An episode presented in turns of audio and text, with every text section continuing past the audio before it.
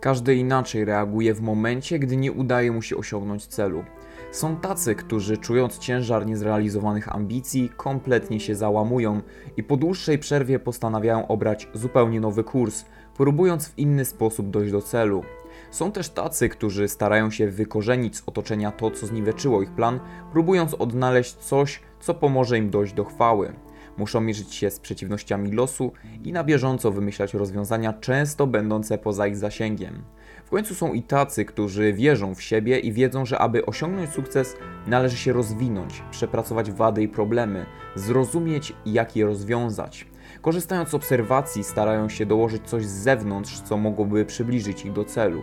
Wierzą, że nagłe zmiany nie przynoszą długotrwałego remedium na ich problemy.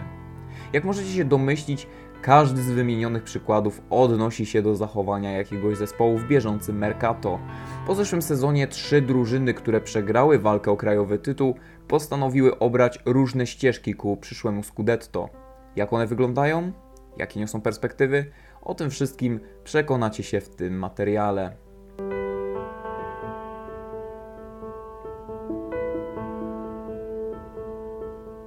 Buongiorno albo buonasera. Witam wszystkich bardzo serdecznie na kanale Calcio Polska. Dzisiaj przyjrzę się działaniom trzech zespołów z zeszłosezonowego top 4, które czując gorycz niespełnionych ambicji odnośnie Scudetto, rozpoczęły lipcowe Mercato z prawdziwą pompą. Zdaję sobie sprawę, że dla większości omówione transfery nie są żadną niespodzianką, bo social media robią swoje, ale myślę, że żadne social media nie poddały tych działań konkretniejszej analizie. W tym momencie wkraczam ja, cały na zielono-biało-czerwono, można by rzec. Zapraszam Was do wysłuchania materiału o tym, co działo się we włoskich gabinetach trzech największych klubów piłkarskich.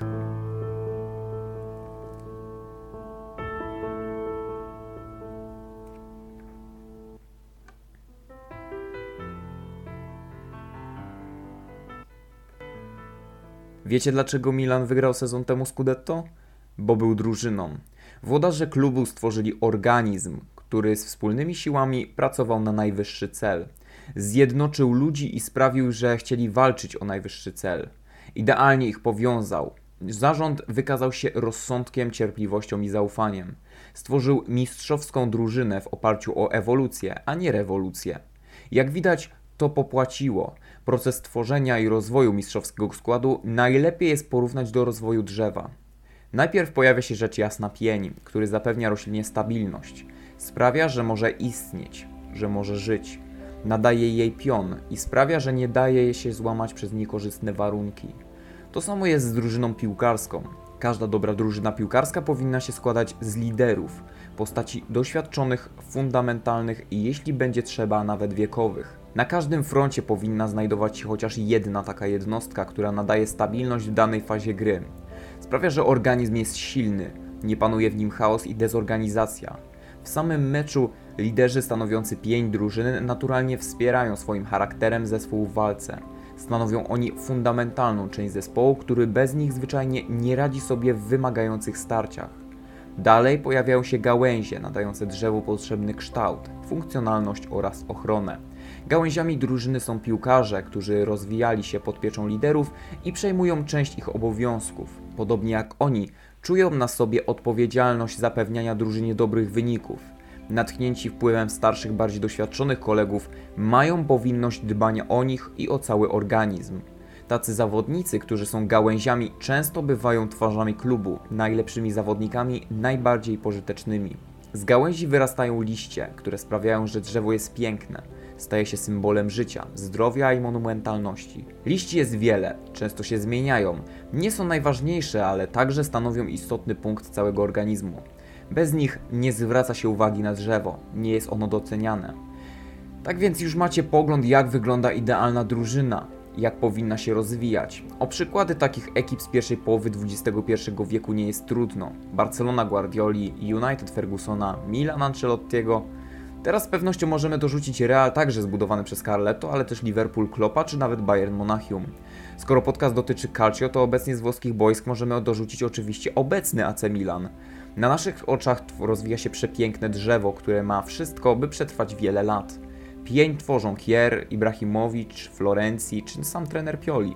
Gałęzie to z pewnością Calabria, Ficto Mori, Sandro Tonali, Teo Hernandez i Ismael Benacer. A do grona liści można zaliczyć Salemakersa, Brahima, Rafaela Leao czy Rebicza. Wszystko rozwija się w swoim ewolucyjnym tempie. Drużyna, podobnie jak roślina, się rozrasta i z czasem może nabrać potężnych rozmiarów. Wszystko jednak dzięki temu, że ma solidny trzon, pozwalający na to, by drużyna tętniła życiem. Ten piękny organizm powstał jednak dzięki cierpliwości i zaufaniu czego z pewnością nie można przypisać rywalom AC Milanu, patrząc na ich ruchy transferowe. Przelotne niepowodzenia rywali Rossonerich, których sam Milan doświadczał zdecydowanie częściej w niezwykle krótkim okresie czasu, doprowadziły do tego, że rywale z top 4 szybko stracili cierpliwość i w większości rozpoczęli proces wycinania swoich pni, chcąc stworzyć nowy, mocniejszy. Zapomnieli jednak przy tym, że pień trzyma całą konstrukcję i że nie da się z dnia na dzień stworzyć fundamentu od zera. W momencie, kiedy Milan rósł w siłę, a raczej umacniał swoje korzenia, przeciwnicy latem postanowili przeprowadzić zabieg na otwartym sercu. Zamierzali pójść drogą niebezpieczną, ryzykowną, ale taką, która zagwarantuje im błyskawiczny sukces. Tak przynajmniej postąpiły dwie trzecie wymienionych drużyn. Jedne kluby niczym w przypowieści budują dom na skale, a inne na piasku. Czy jednak nauka będzie płynąć taka jak z Biblii? Przekonajcie się. Gdzie takie szczęście do łez? Ciągle pytasz, bo myślisz, że wiem. Zatrzymaj mnie!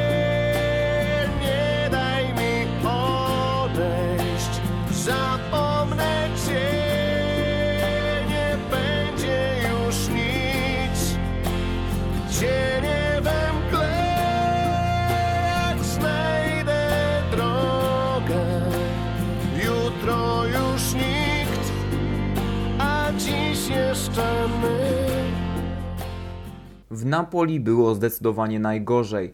W pierwszej połowie Mercato zespół Luciano Spallettiego kadrowo kompletnie się załamał, co znacznie utrudni szkoleniowcowi przygotowanie do następnego sezonu. Luciano po swoim bądź co bądź dobrym sezonie już na samym początku nowego może mieć niesamowity ból głowy.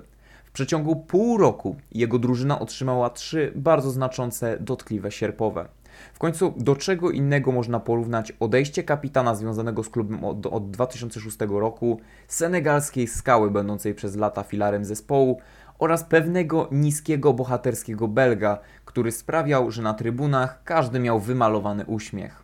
Odejście trzech najważniejszych postaci dla klubu w jednym momencie może oznaczać jedno gotową katastrofę.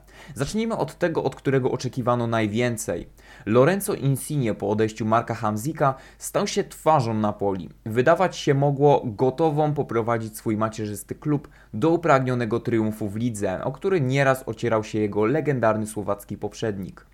Tego jednak nie udało się osiągnąć również i Włochowi, przez co jako kapitan może się pochwalić tym samym osiągnięciem co Hamsik, zdobyciem Pucharu Włoch.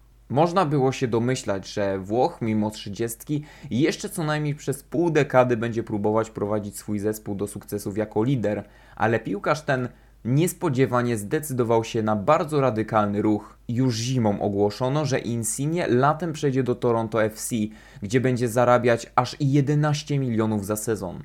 To niebotyczna kwota względem profitów, jakie się przyjmowało we Włoszech. W tamtym momencie dla pieniędzy Insigne skreślił sobie bardzo wiele możliwości. Prawdopodobnie nigdy nie wywalczył już dla Napoli Mistrzostwa Ligi, co pozwoliłoby mu się jakoś przybliżyć historycznie do Diego Maradony. Nie prześcignie już Hamzika w liczbie asyst dla Napoli oraz w liczbie występów. Stracił też szansę na zostanie najlepszym strzelcem w historii klubu, oddając ten zaszczyt póki co Mertensowi.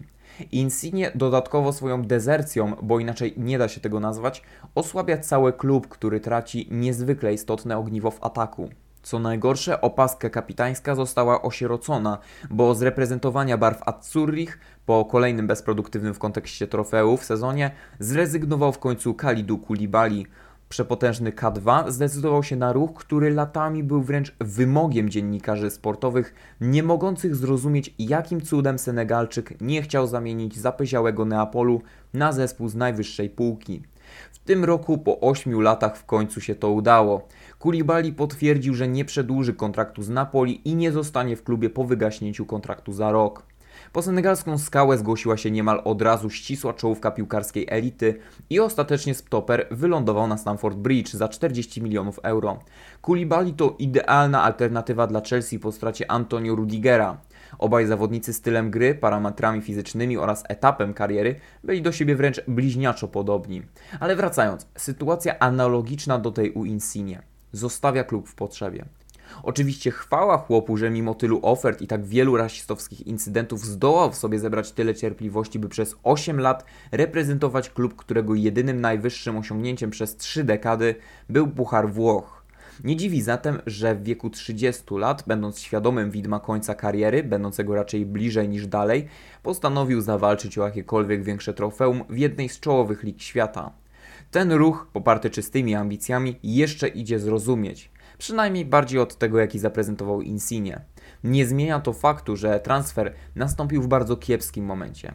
Wydawało się, że klub za sprawą świetnego szkoleniowca z dobrym planem na zespół dalej będzie mógł walczyć o najwyższy cel we Włoszech, a tymczasem Napoli jak zwykle sfrajerzyło. Już na początku letniego Mercato straciło dwie kluczowe postacie pchające zespół ku wyższym celom, a nie był to koniec złych informacji, bo z klubem pożegnał się także Dries Mertens. Szatnia traci liderów, a kibice tracą swoją dumę i radość. Wydawać się mogło, że 35-latek już na zawsze zwiąże swój los z Neapolem, gdzie kibice traktowali go jak swojego. Wszystko jednak się zmieniło wraz z wielką czystką, do której dopuścił właściciel klubu. Sytuacja z Drisem Mertensem była znacznie odmienna niż w przypadku pozostałych ikon. Klub ewidentnie zmierzał w stronę odmłodzenia kadry, a roześmiany Belg nie zamierzał być uwzględniony w planie De Laurentisa. Najlepszy strzelec w historii Napoli, lokalny patriota, legenda klubu i ulubieniec każdego fana Azzurrich, na pożegnanie od właściciela klubu dostał porządnego kopa w tyłek za próg własnego domu. Piłkarz do końca czerwca nie otrzymywał znaków ku przedłużeniu kontraktu, a to wszystko m.in. z powodu tego, że Mertens nie chciał zejść z zarobków 4-milionowych do milionowych. Na sytuację swojej eksmisji żalił się jak najdelikatniej mógł w mediach, choć rozczarowanie wyraźnie wybrzmiewało z jego wypowiedzi. 1 lipca Dries został ostatecznie wolnym agentem, a kulisy jego odejścia z Napoli pozostawią kolejną wielką rysę na wizerunku właściciela.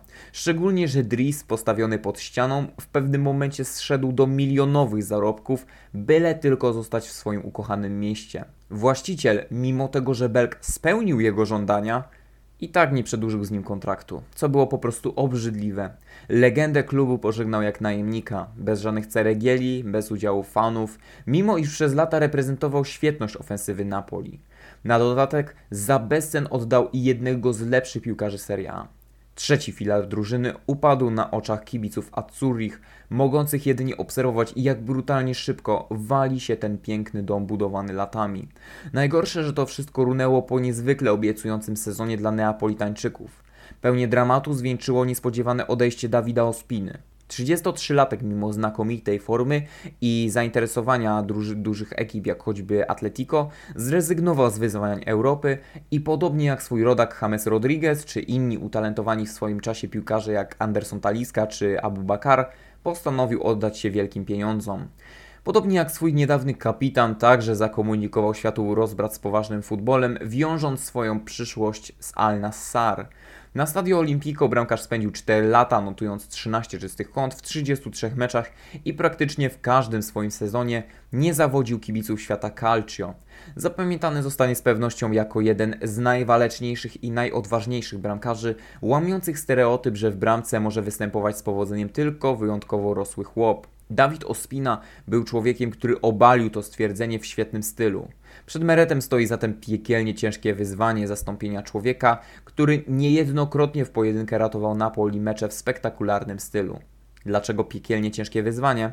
Otóż Meret z poprzedniego sezonu zanotował niesamowity zjazd względem tego, co prezentował dwa sezony temu. Wiecznie przyspawany do ławki, kiedy się pojawiał, zupełnie nie przekonywał swoją grą. Okres przygotowawczy będzie dla niego decydujący, nie mam wątpliwości. Podobnie jak co do tego, że Napoli będzie musiało kupić także poważnego golkipera. Sytuacja w zespole była zatem bardzo niekomfortowa, bo zwyczajnie ekipie brakowało przywódcy. Neapolitańczycy utracili fundamentalne postacie niemal w każdym rejonie boiska, w każdej fazie gry. Następny sezon wyglądał zatem bardzo, bardzo czarno.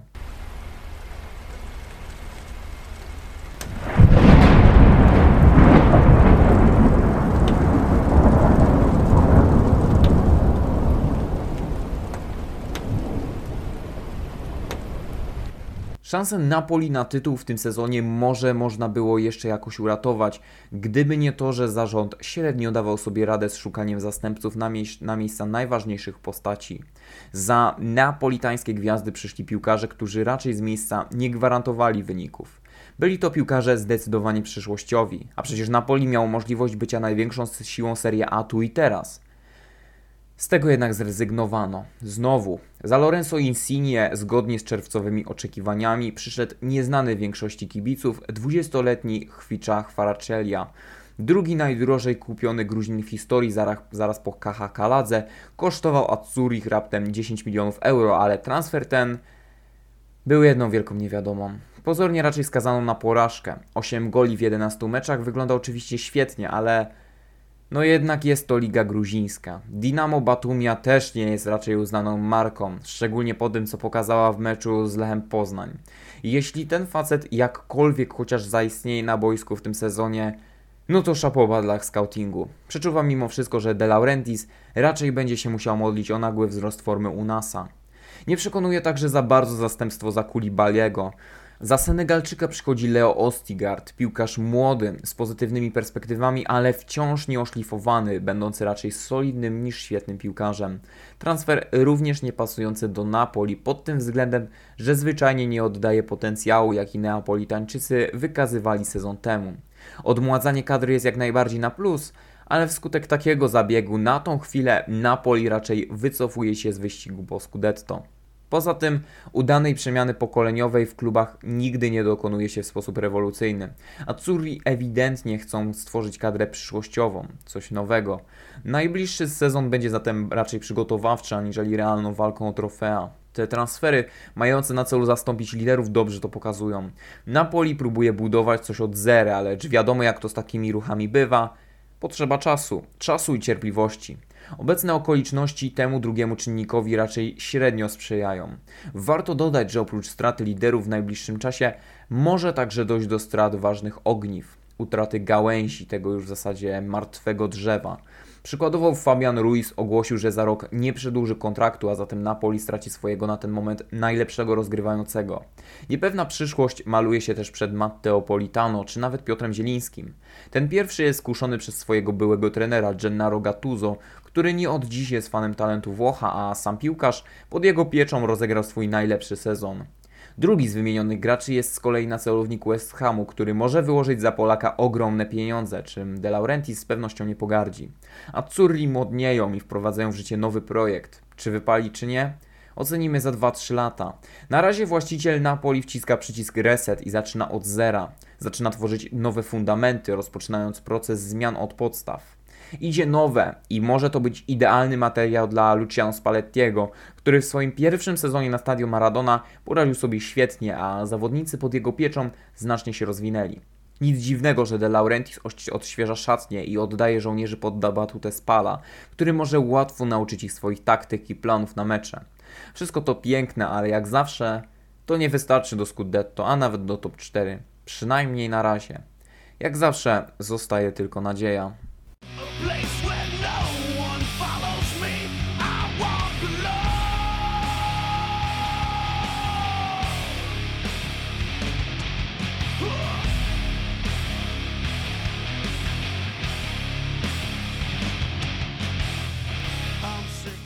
Z podobnym problemem co odwieczni rywale, choć na mniejszą skalę, mierzył się Juventus, który po sezonie również stracił swoje czołowe postacie. Paulo Dybale i przede wszystkim Giorgio Chielliniego.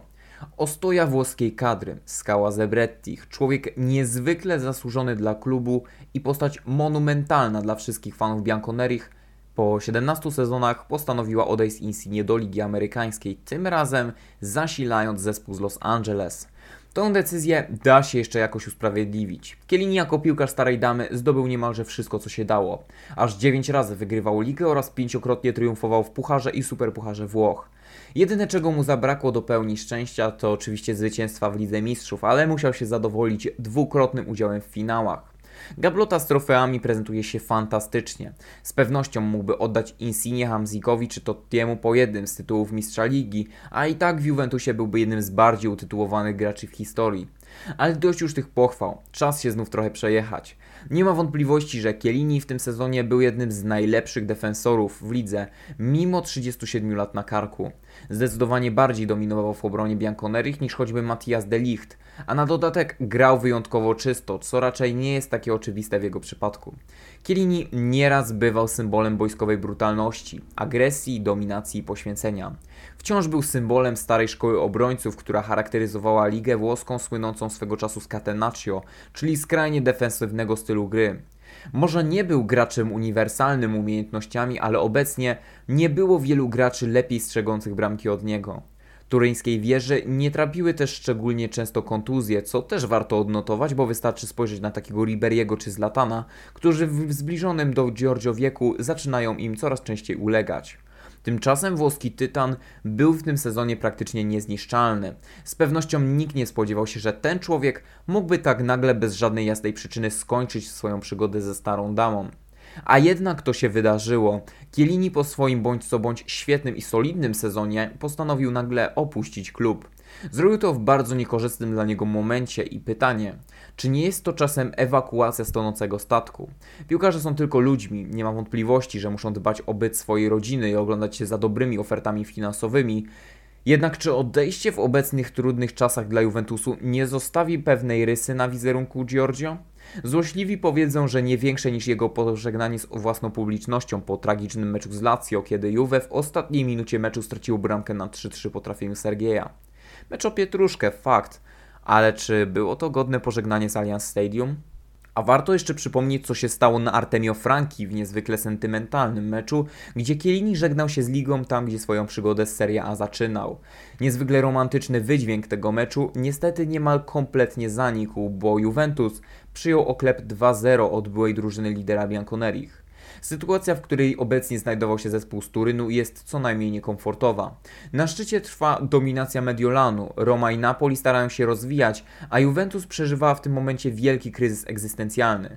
Pierwszy od 2010, jak nie 2006 roku.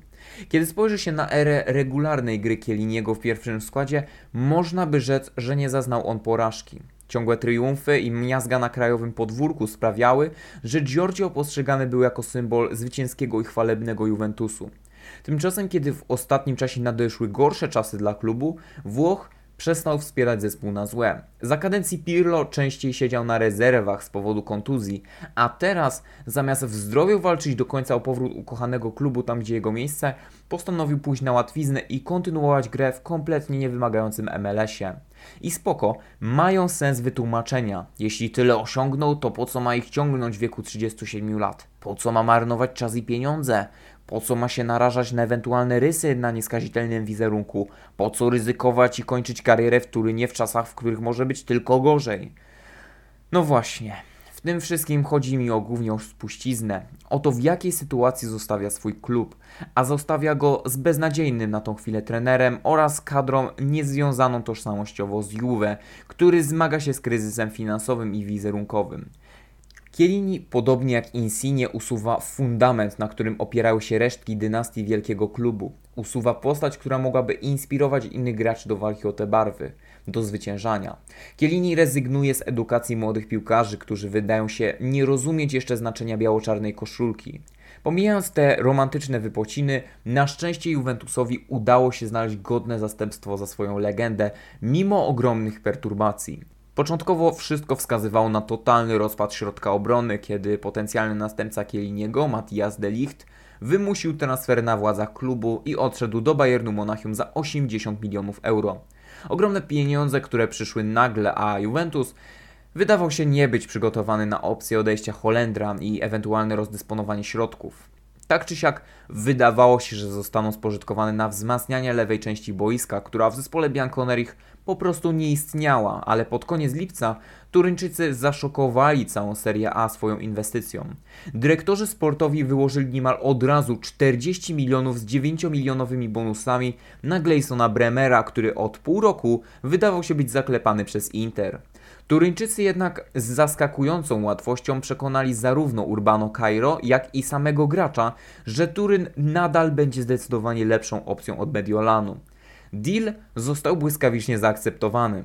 Sam Bremer, choć od pół roku mówił po ustaleniu indywidualnego kontraktu, że interesują go jedynie Nerazzurri, po podpisaniu kontraktu stwierdził, że Juventus jest jego przeznaczeniem. Taki jest obecny futbol, moi państwo. Tak się kończy dziadowanie w dzisiejszych czasach. Inter został potwornie upokorzony na oczach całej społeczności Calcio, a ich odwieczny rywal Juventus zgarnął najbardziej łakomy kąsek w całej lidze. Znów się to powtarza. Juve chce Juve bierze. Czy Bremer odnajdzie się dobrze w grze z czwórką obrońców? Nie mam zielonego pojęcia, ale myślę, że właśnie po to jest okres przygotowawczy, aby przystosował się do nowego ustawienia. Co prawda w grze trójką objawił swój talent i nieprzeciętne umiejętności, ale sądzę, że w parze stoperów może bardziej rozwinąć swoje atuty. Piłkarz ten był dosłownie ścianą, od której odbijały się wszystkie piłki. Nie dało się go przejść, a każdy strzał z dystansu natrafiał na jego nogę czy tors. To ktoś o profilu Giorgio, ale ze zdecydowanie lepszym wyprowadzeniem piłki, dysponujący lepszą motoryką i zwrotnością. Sądzę, że jeśli Bremer nie okaże się sezonowcem w kontekście formy, może sprawić, że to Juventus na papierze do końca będzie walczył o Scudetto. Oczywiście Bremer nie zagwarantuje wyników, sam nie zatrzyma wszystkich atakujących. Nie zapominajmy o tym, że wchodząc w buty Delichta, będzie musiał wziąć na siebie największą odpowiedzialność w obronie. Brenner kompletnie nie ma zabezpieczonych pleców na wypadek wykartkowania czy kontuzji. Może go zastąpić jedynie nieopierzony Federico Gatti bądź totalnie niepewny Rugani. Obok siebie ma Leonardo Bonucciego, piłkarza skonfliktowanego z trenerem, wiekowego oraz niezrównoważonego formą. Poza tym Bonucci nie jest skory do drygowania swoimi partnerami w defensywie, a zatem to właśnie Bremer będzie musiał już jako kompletny debiutant w koszulce starej damy dowodzić defensywą. Nie zapominajmy też o tym, że Juventus aktualnie nie posiada lewej obrony. Aleksandro przebywa pod kreską formy, a bardzo obiecujący młody talent Andrea Cambiasso został wypożyczony do Bolonii. W tym momencie sytuacja tam jest bardzo trudna. Juventus musi na to zwrócić uwagę i zwieńczyć defensywę, której wciąż trochę brakuje do perfekcji. Wydaje się jednak, że Turyńczycy po istnej kradzieży Bremera z rąk Interu ponownie jak to było na początku okna skupią się na wzmacnianiu ofensywy.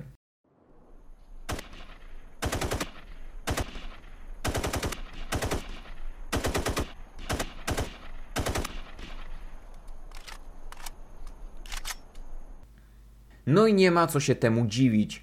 Opuścił ją facet, który jako jedyny obecnie w tamtej części boiska swoją postacią uosabiał lata świetności Juventusu. Paulo Dybala, złote dziecko argentyńskiej piłki, po siedmiu latach opuścił klub, który sprawił, że postrzegamy go dziś jako piłkarza światowej sławy. Ten ofensywny zawodnik swoim odejściem wymierzył kolejny wielki cios nie tylko w marketing Turyńczyków, rozwój sportowy, ale też w młode kibicowskie serca, w których Dybala z pewnością miał specjalne miejsce. Numer 10 z jego nazwiskiem na koszulce oraz cieszynka maski na zawsze zostały sprowadzone do jednego mianownika Juventus. Dybala, podobnie jak Kielini, symbolizował zwycięski czas starej damy, mimo iż w ciągu całej swojej kariery w Turynie tylko raz zameldował się w finale Ligi Mistrzów z tą drużyną, a Serie A wygrał o nieco ponad połowę mniej razy niż Giorgio. Mimo tego indywidualnie wyglądał fenomenalnie. W Turynie zdobył 115 goli i 48 asyst w prawie 300 meczach. Takie udane statystyki mogły wskazywać na to, że w ostatnim czasie mogliśmy pożegnać dwie legendy klubu. Nie przypominam sobie bowiem tak wszechstronnego piłkarza w ataku w nowożytnej historii Juventusu, nie licząc wielkiego Alexa Del Piero. Niestety, o ile Chiellini niepodważalnie nią był, o tyle Dybala w ciągu ostatnich kilku sezonów został zdegradowany w mojej opinii bardziej do miana gwiazdeczki. Ostatnie dwa sezony to prawdziwy koszmar dla Argentyńczyka. Ciągłe kontuzje, sinusoidalna forma, problemy w odnalezieniu się na boisku. Dybala był jak cień, zwłaszcza po odejściu Cristiano, z którym tworzył świetny duet i bez niego w żaden sposób nie potrafił utrzymać ciągłej dobrej formy, mimo iż statystyki wskazywały na jego raczej dobrą dyspozycję. W minionym sezonie zdarzały mu się błyski, fantastyczne wejścia z ławki, ale poza tym Dybala w ostatnim czasie prezentował się znacznie poniżej oczekiwań. Głównie za sprawą niekończących się kontuzji, które skutecznie hamowały jego formę.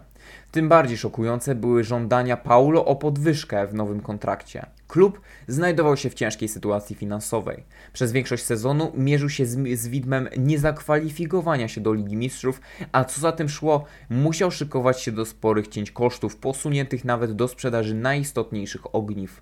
Dybala zachowywał się jakby kompletnie o tym nie wiedział, pozostając w swoim odrealnionym świecie, w którym to jest najlepszym zawodnikiem drużyny, ciągnąc ją po Scudetto, podczas gdy w rzeczywistości był na murawie jedynie widmem. Jego żądania przy tak słabej formie i złej sytuacji klubu spotkały się z oczywistą krytyką, a nawet niechęcią.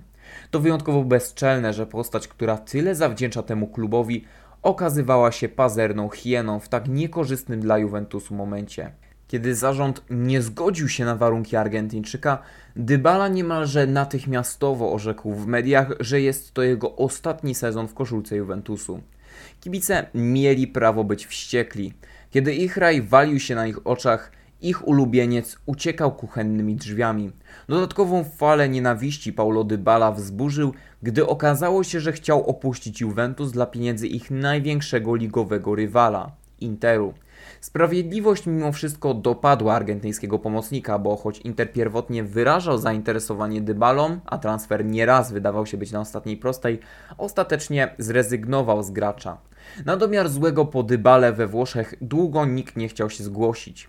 Żaden z czołowych klubów nie zamierzał płacić mu tak wysokiej pensji przy tak nierównej grze.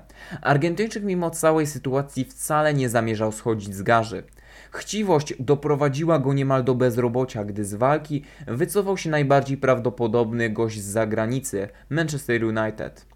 I gdy cała nadzieja zawiodła, po pomocnika zgłosił się ten, który chciał nadać stolicy Włoch nieco blasku. José Mourinho przygarnął niechcianą gwiazdę, a klub zgodził się na wymagane przez Paulo 6-milionowe zarobki ukryte w bonusach. Morały tej historii są dwa. Pierwszy, chytry traci dwa razy. Dybala wraz ze swoim sprytnym agentem myśleli, że wydymają wszystkich grając na dwa fronty, a tak naprawdę to świat futbolu wydymał ich. Miała być gruba forsa i trofea, a tymczasem może będzie gruba forsa i może będą puchary. Tak jak Argentyńczyk trzymał w niepewności klub przez pół roku, tak teraz w niepewności życie będzie trzymać Dybale też przez rok. Drugi morał: nie gryź ręki, która cię karmi. Ta fatalna transferowa mini saga sprawiła, że nazwisko Dybala w historii Juventusu zapisze się raczej na czarno aniżeli biało. Argentyńczyk wykazał się wyjątkowym nietaktem, ale przede wszystkim szokującą niewdzięcznością, spluwając pod buty klubowi, który dał mu niemal wszystko, o czym mógł marzyć piłkarz w klubowej piłce. Oczywiście jego czerwcowe odejście było na pozór piękne. Łzy, piękne obrazki, czwarte miejsce gwarantujące klubowi Ligę Mistrzów i kasę. Czego jeszcze chcecie? Tak mógłby pytać Dybala. Chcemy stabilnej przyszłości. Chcemy kogoś, kto mógłby uczyć nowych zawodników, jak zwyciężać. Chcemy, żebyś w przyszłości prowadził atak w oparciu o swoje doświadczenie. Chcemy, żebyś został z nami nie tylko, gdy są laury zwycięzców i szampany, ale także, gdy potrzebna jest pomoc. To mogliby mu odpowiedzieć kibice. Szkoda tylko, że to nigdzie nie wybrzmiało. Odejście Argentyńczyka sprawiło, że Juventus musiał w dobie kryzysu wydać kolejne pieniądze na transfer i utrzymanie zawodnika. Przede wszystkim musiał zainwestować czas w poszukiwanie godnego następcy, co wcale nie oznaczało z transferu z dnia na dzień.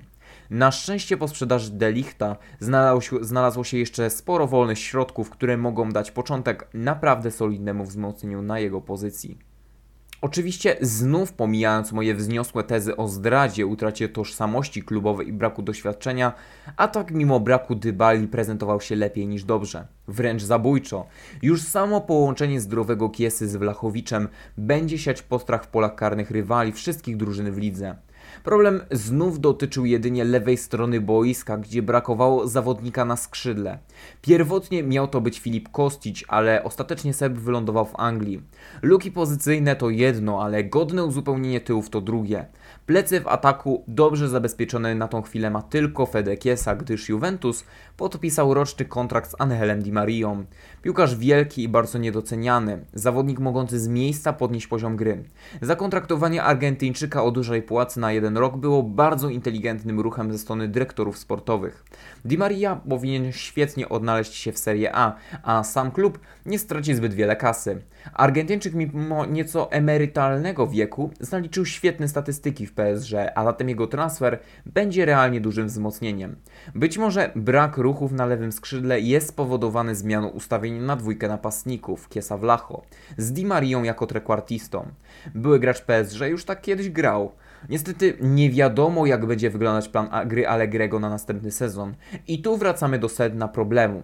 Kolejnym ale w kwestii Scudetto dla Juve jest plan trenera. Allegri pokazał w zeszłym sezonie, że nie jest człowiekiem, przy którym można się rozwijać. Nie obchodzą go piękne zwycięstwa, a raczej jakiekolwiek zwycięstwa. To skrajny minimalista mający przed sobą tylko cel i nic więcej. Zakontraktowanie takich zawodników jak Duszan, Locatelli czy Chiesa w Juventusie za jego rządów jest porównywalne do wręczenia ascecie kluczy do pałacu. Będzie mieć podstawy do życia, ale do niczego nie wykorzysta nadanych mu luksusów. Poza tym kwestią niezmienną i znacznie istotniejszą jest to, że Turyńczycy wraz z odejściami Dybali, Kieliniego i Delichta będą mierzyć się z deficytem liderów w przyszłości. Pamiętacie moje porównanie drużyny do drzewa? Juventus nie ma w tym momencie trzonu, nie ma pnia. Włoski dziennikarz Fabio Caressa stwierdził niedawno, że DNA Juventusu zniknęło z pola widzenia wraz z przyjściem Cristiano Ronaldo i Mauricio Sariego. Nie sposób się z tym nie zgodzić, patrząc na to, gdzie po dwóch latach od odejścia tych postaci znajduje się turyński klub. O ile czasy Ronaldo i Sariego spowodowały, że DNA Juve zanikło, o tyle teraz to DNA wydaje się niemożliwe do odratowania. Po odejściu czołowych postaci dla klubu, kadra mimo iż ma bardzo utalentowanych przyszłościowych zawodników jak Wlachowicz, Kiesa, Zakaria czy Locatelli, nie ma tak naprawdę nikogo, kto mógłby dobrze tymi zawodnikami pokierować. W szatni znów będzie musiał się krystalizować lider. Muszą powstać nowe geny i nowy organizm, a to wymaga sporej ilości czasu. Bynajmniej nie 9 miesięcy. Oczywiście dużo ułatwia transfer Pola Pogby, powrót syna marnotrawnego, który znów spalił się na Old Trafford. Obecność Francuza, będącego w swoim czasie prawdziwym asem zwycięskiego Juventusu, wręcz sztandarem jego chwały, może dobrze wpłynąć na zespół. Jego powrót może nie da im z miejsca mistrza, ale sprawi, że w Turynie podtrzymana zostanie cząsteczka zwycięskości. Przyjście światowej ikony, mistrza świata, mistrza Włoch i finalisty Champions League może mieć ogromny wpływ na grę Juve, od której może wreszcie przestaną boleć oczy. To wszystko jednak jest zawarte w najlepszym scenariuszu, w którym Pogba przypomina sobie piękne chwile w Turynie, czyli na sobie obowiązek prowadzenia młodych piłkarzy i dania czegoś pięknego kibicom. Namawia młodych graczy, by wydostali się z betonu Allegrego i wreszcie zaczęli prezentować w swojej grze polot, indywidualne umiejętności i boiskową inteligencję. Przy okazji rozgrywa więcej niż 10 meczy w sezonie. Jest oczywiście drugi gorszy scenariusz, ten, który mieliśmy nieprzyjemność śledzić w United przez ostatnie lata. Pogba przychodzi do Turynu zrobić show, sprawić sobie minimalny wysiłek zaledwie dojścia do Ligi Mistrzów, zarobić dobre pieniądze, a kibiców oczarować jedynie nowymi fryzurami. Częściej niż na boisku przebywa w gabinetach rehabilitacyjnych. Opcje są dwie. Dobrze nawiązują do sinusoidy formy Pogby, który w tym momencie kariery jest stykającą bombą. Przedwczesna, spokojna emeryturka we Włoszech, pozbawiona większych ambicji, jak w przypadku Cristiano, czy raczej może jeszcze jedna eksplozja talentu i chęć udowodnienia kibicom, że tego człowieka stać jeszcze na wiele w stylu Zlatana. Z tego, jak prześledzi się karierę Francuza, idzie wywnioskować, że z Juventus raczej doświadczy potężnego wzmocnienia. To jednak nie wystarczy, by zdobyć mistrza. Zespół Bianconeri przypomina piękne Ferrari, ale niestety bez silnika albo z silnikiem, w którym zostało po prostu mało benzyny. Jak mówiłem, gwiazdy to nie wszystko. To nie załatwi Scudetto. Potrzebni są ludzie, którzy będą umieli nimi pokierować. Silne charaktery pomagające w nauce przywiązania do barw, a i sami uczniowie powinni być skłonni do tego, by te lekcje pobierać. Duszan i Kiesa wydają się być bardzo zmotywowani, by walczyć na chwałę Juventusu, ale po odejściu Dybali w ataku nie ma kto nad nimi czuwać. Sami będą musieli się uczyć, sami muszą odnaleźć w sobie dojrzałość. Na dodatek będą musieli walczyć z masakrycznym stylem gry Allegrego. Ta kwestia jest najbardziej problematyczna, jeśli chodzi o pomoc, która aż kipi potencjałem, a która jest narażona na kompletne zmarnowanie. Oczywiście Juventus stara się robić małe kroczki do przodu, pozbywając się bezproduktywnych piłkarzy. W czerwcu z klubem pożegnał się przykładowo Federico Bernardeschi, który podobnie jak Dybala oczekiwał horrendalnego wynagrodzenia za swoją, delikatnie mówiąc, słabą grę. Na dodatek chyba wymagał od siebie czegoś więcej niż bycia rezerwowym przez całą karierę. Finanse uzdrowiono także poprzez rozwiązanie problemu absurdalnie wysokiego kontraktu Arona Ramseya, który również opuścił Turyn, ale inaczej niż Federico, po angielsku. Na początku lipca w okresie wygasania kontraktów zrezygnowano też z usług Alvaro Moraty. Hiszpan zagrał przeciętny, acz stabilny sezon w barwach Starej Damy, lecz to nie wystarczyło do wykupienia go z Atletico.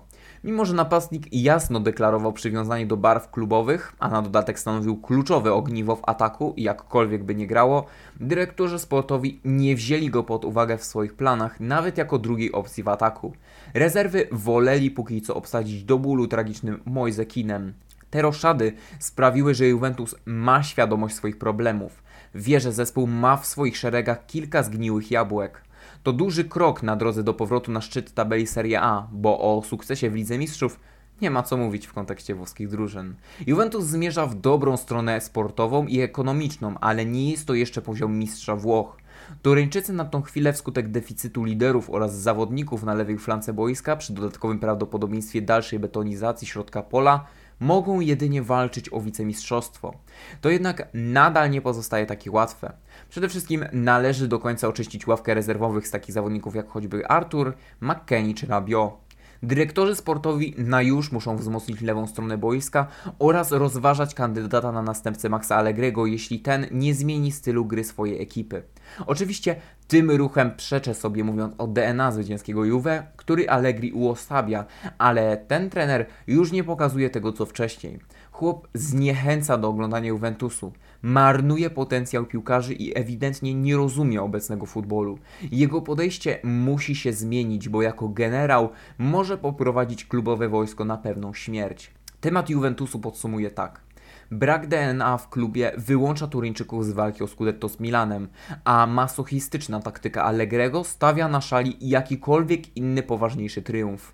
Kluczem do udanej następnej kampanii jest to, by odżył środek pola oraz atak, a Allegri zaczął bardziej ryzykować. Przed Juventusem jeszcze sporo pracy, ale jeśli uda się dopracować lewą stronę boiska oraz rezerwy, sądzę, że walka o drugie miejsce w lidze w następnym sezonie będzie niesamowicie zażarta i chyba wygrają właśnie Juventus.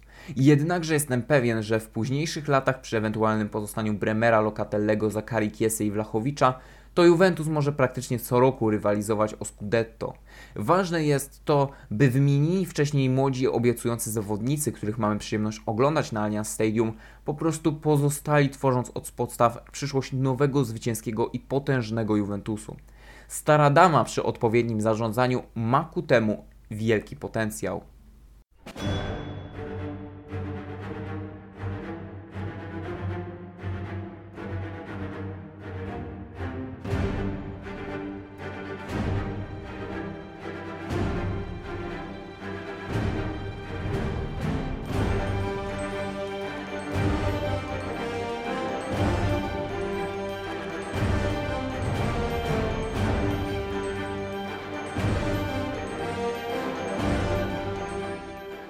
Giuseppe Marotta, dyrektor sportowy Interu, w jednym z wywiadów orzekł, że zbuduje zespół Interu na następny sezon do końca czerwca. Wygląda na to, że wiedział co mówi. Włoch po raz kolejny dokonał wielu roszad w kadrze Nerazzurich z lepszym bądź gorszym skutkiem, ale udało mu się zostawić pień drużynowości. Wygląda na to, że ponownie zrozumiał, co jest kluczem do zwycięstwa, choć nie ukrywajmy, pomogło mu w tym trochę szczęście. Inter na włoskim rynku transferowym prezentował się w mojej opinii najciekawiej ze wszystkich drużyn.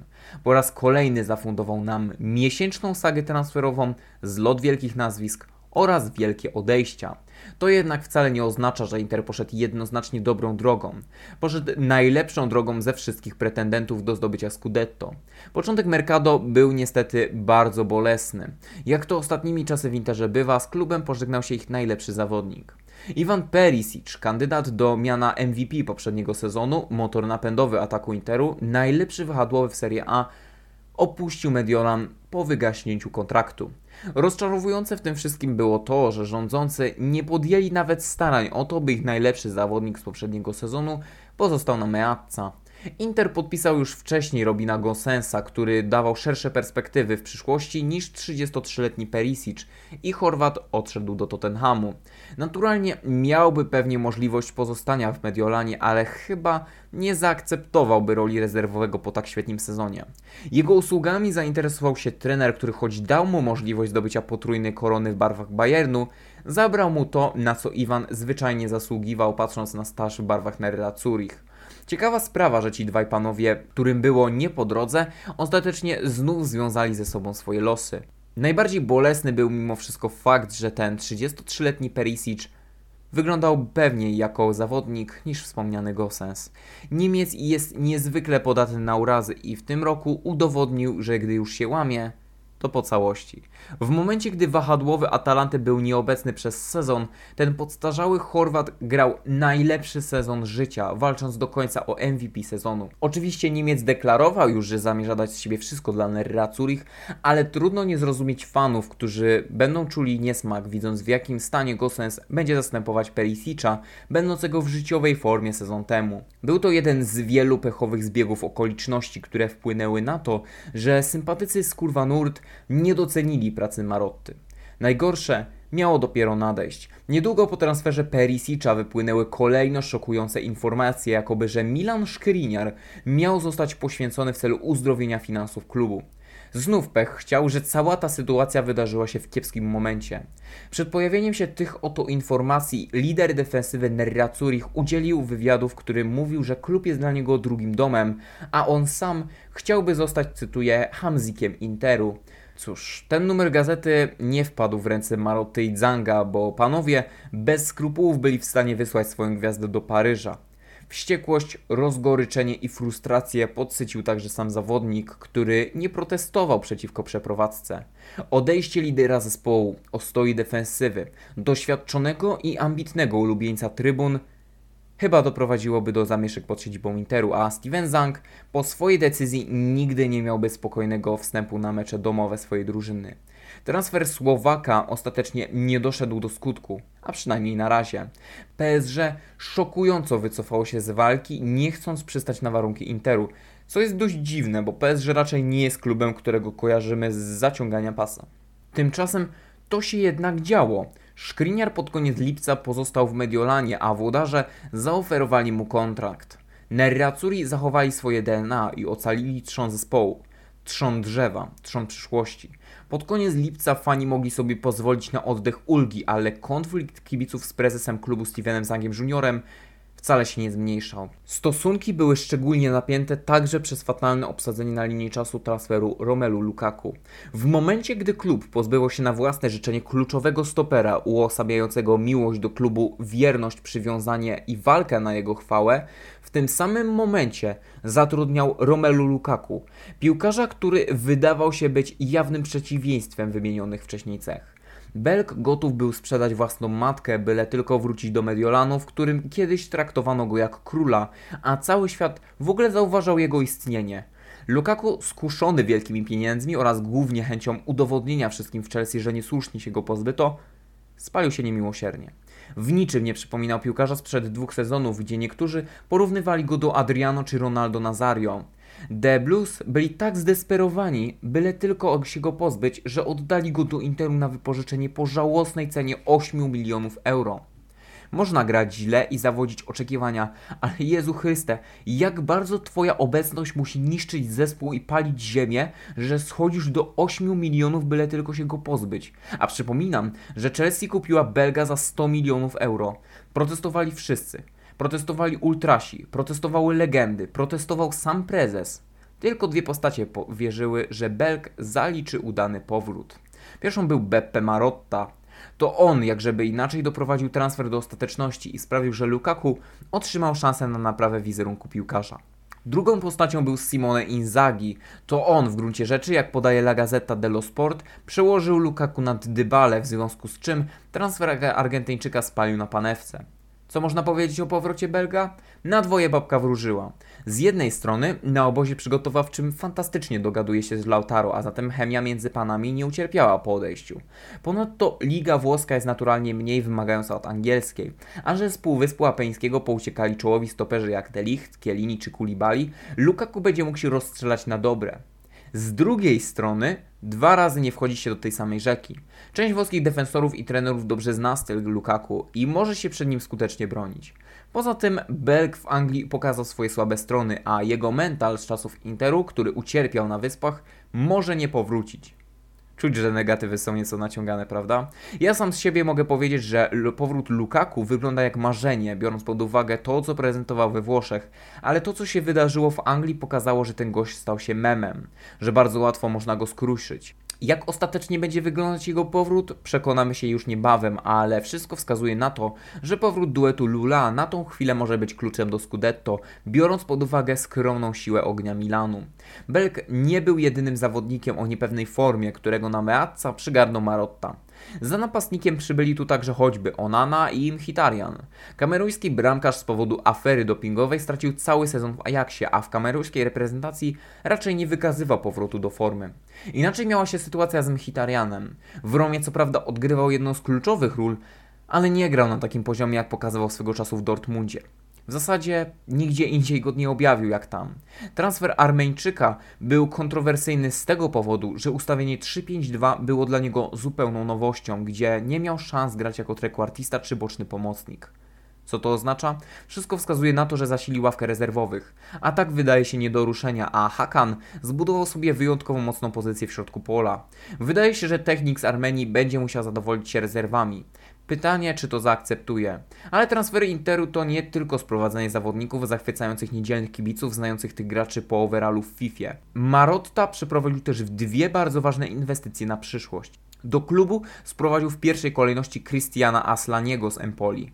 Albańczyk rozegrał dobry sezon jak na swój klub i jak na swój debiut w Serie A. To piłkarz, który kapitalnie trzyma się przy piłce i podaje w niezwykłym stylu. Potrafi bardzo szybko dorzucać piłkę do napastników i skrzydłowych.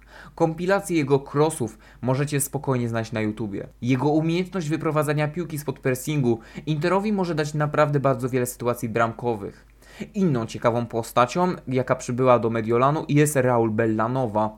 Było jasne, że po spadku Cagliari piłkarze będą się chcieli wydostać z wyspy, byle tylko ratować kariery. Młody piłkarz, będący w przyszłości związany z Milanem, skorzystał z propozycji Marotty i zasilił Inter.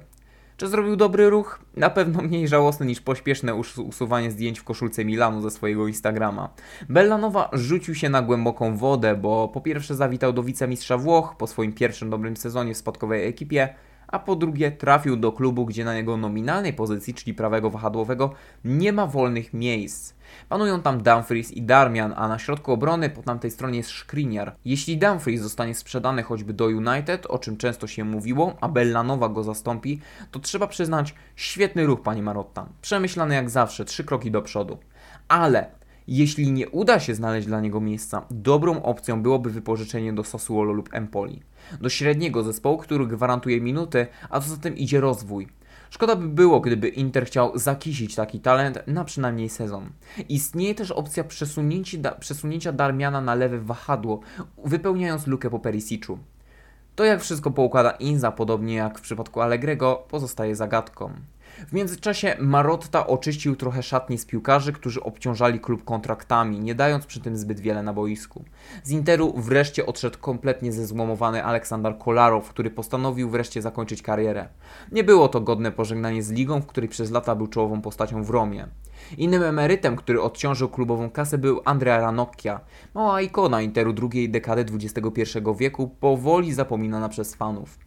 Włoch udał się praktycznie za miedzę do Moncy prowadzonej przez Silvio Berlusconiego, który zapewnił mu godne warunki spokojnej emerytury. Były premier Włoch wyciągnął z Interu także Stefano Sensiego, niewolnika kontuzji i ofiary zbyt małego kredytu zaufania. Wielkie oczekiwania które spełzły na niczym. Drobny Włoch, charakterystyką gry przypominający nieco Szawiego, dał się pokonać kontuzjom, które trapiły go tak często, że w praktyce nie mógł rozegrać więcej niż trzech meczy z rzędu. Złote dziecko Interu stało się szklanym chłopcem, który od kupienia i nowej drogi będzie musiał póki co szukać również w Moncie. Sensi ma tam odgrywać rolę pierwszoplanową, ma dostać więcej minut i rolę lidera środka pola. Trener ma go obdarzyć czasem i zaufaniem, a zatem wszystkim tym, czego w Interze brakowało temu utalentowanemu rozgrywającemu. Inter opuścił też kolejny pomocnik. Arturo Vidal spalił się już zupełnie w poważnym futbolu i postanowił zakończyć swój rozdział w Europie, by zakotwiczyć w brazylijskim Flamengo. Chilijczyk nie jest już nic nikomu winien w profesjonalnej piłce i choć jego ostatnie lata w Hiszpanii i teraz we Włoszech do wybitnych nie należą, do końca oddawał na murawie serce i zdrowie.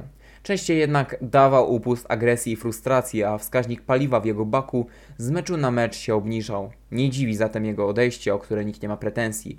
Więcej zwyczajnie nie dało się wycisnąć. Podsumowując temat Interu, jeśli Skriniar ostatecznie pozostanie w klubie, Inter może znów do końca powalczyć o Scudetto, a nawet je wygrać.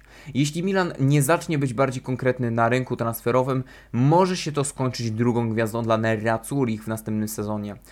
Inter wzmocnił siłę ognia oraz ławkę rezerwowych, a przecież to w dużej mierze ten drugi czynnik zagwarantował im Mistrzostwo Włoch rok temu. Inter, mimo tego, że sprowadził piłkarzy młodych i niedoświadczonych wraz z graczami nieco wypalonymi, bardzo poważnie podłączy się do wyścigu o Scudetto. Jest jednak kilka czynników, które zwiększyłyby te szanse. Przede wszystkim zmiana ustawienia z dwójką napastników i trekwartistą za plecami przy wsparciu trójki pomocników bez wahadeł. To by mogło znacznie rozwinąć potencjał zawodników jak Mkhitaryan czy Correa, będącym póki co ofiarą formacji Inzagiego. Nie twierdzę, że 3-5-2 jest złe, ale warto by było popracować nad rotacją. Poza tym Inter, mimo iż Bremer ostatecznie wybrał Juventus, wygląda bardzo konkurencyjnie dla Milanu w kontekście Scudetto. Rzekłbym, że póki co przy działaniach transferowych Milanu ma zdecydowaną przewagę. Jak mówiłem, jeśli nie odejdzie Skriniar, utrzyma się trzon, a to daje podstawę pod sukcesy. Inter będzie miał każdy możliwy element do wygrania tytułu i wyjścia z grupy w Lidze Mistrzów. Na razie tylko tak możemy wyrokować. Do końca okna pozostał miesiąc i kto wie, co jeszcze się tu wydarzy. Kibice Nerra Zurich módlcie się o wstrzymanie transferu słowackiego stopera i o formę Romelu Lukaku. Jeśli wszystko to się potwierdzi, chyba czeka nas powtórka sprzed roku.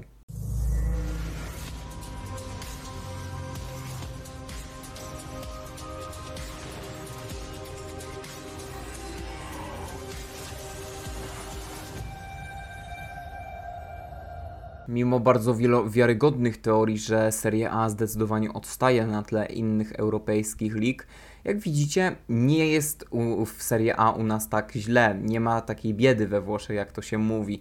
Transfery na szczycie są głośne, wielkie, no i z pewnością bardzo, bardzo ciekawe.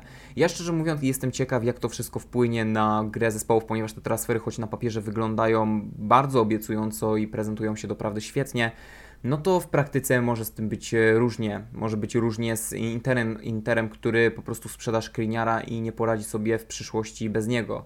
W Juventusie może się zdarzyć fala kontuzji, mogą się zdarzyć pro problemy na tle tre relacji trener-zawodnik, zawodnik-trener. W Napoli o Napoli już w zasadzie nie ma co mówić, bo ci zawodnicy i cały, cały ten klub w zasadzie poddał się już na wstępie i zrezygnował chyba z realnej walki o trofea, więc jego należy już w ogóle tego klubu nie rozpatrywać jako konkurencji dla e, innych drużyn. Pytanie będzie w następnym odcinku. Możecie się tylko zastanawiać, który z zespołów zastąpi Napoli e, w top 4, bo zdecydowanie jakiś taki nadejdzie, ponieważ zwyczajnie nie ma szans, żeby Napoli utrzymało się z takimi ruchami w top 4, nieważne kto by teraz przyszedł przyszedł. A zatem w następnym odcinku będę się skupiał na zespołach, które wyglądają bardzo obiecująco i mogą wręcz e, zastąpić Napoli w top 4. Ale do tego przejdziemy dopiero pod koniec sierpnia. Póki co bardzo Wam dziękuję za wysłuchanie materiału. Zachęcam do zostawienia dzwoneczka, abyście nie przegapili kolejnych e, odcinków z Włoch, kolejnych raportów, kolejnych nowin E, raz w miesiącu, które będą się pojawiać na tym kanale. Zachęcam do obserwowania przede wszystkim, żebyście byli na bieżąco z materiałami, tak jak wcześniej wspomniałem. E, no i po prostu zachęcam Was do oglądania, oglądania meczy w następnym sezonie, no bo jak widzicie, będzie, będzie bardzo, bardzo, bardzo ciekawie. Dziękuję Wam bardzo za wysłuchanie. Mam nadzieję, że odcinek Wam się podobał. Arrivederci.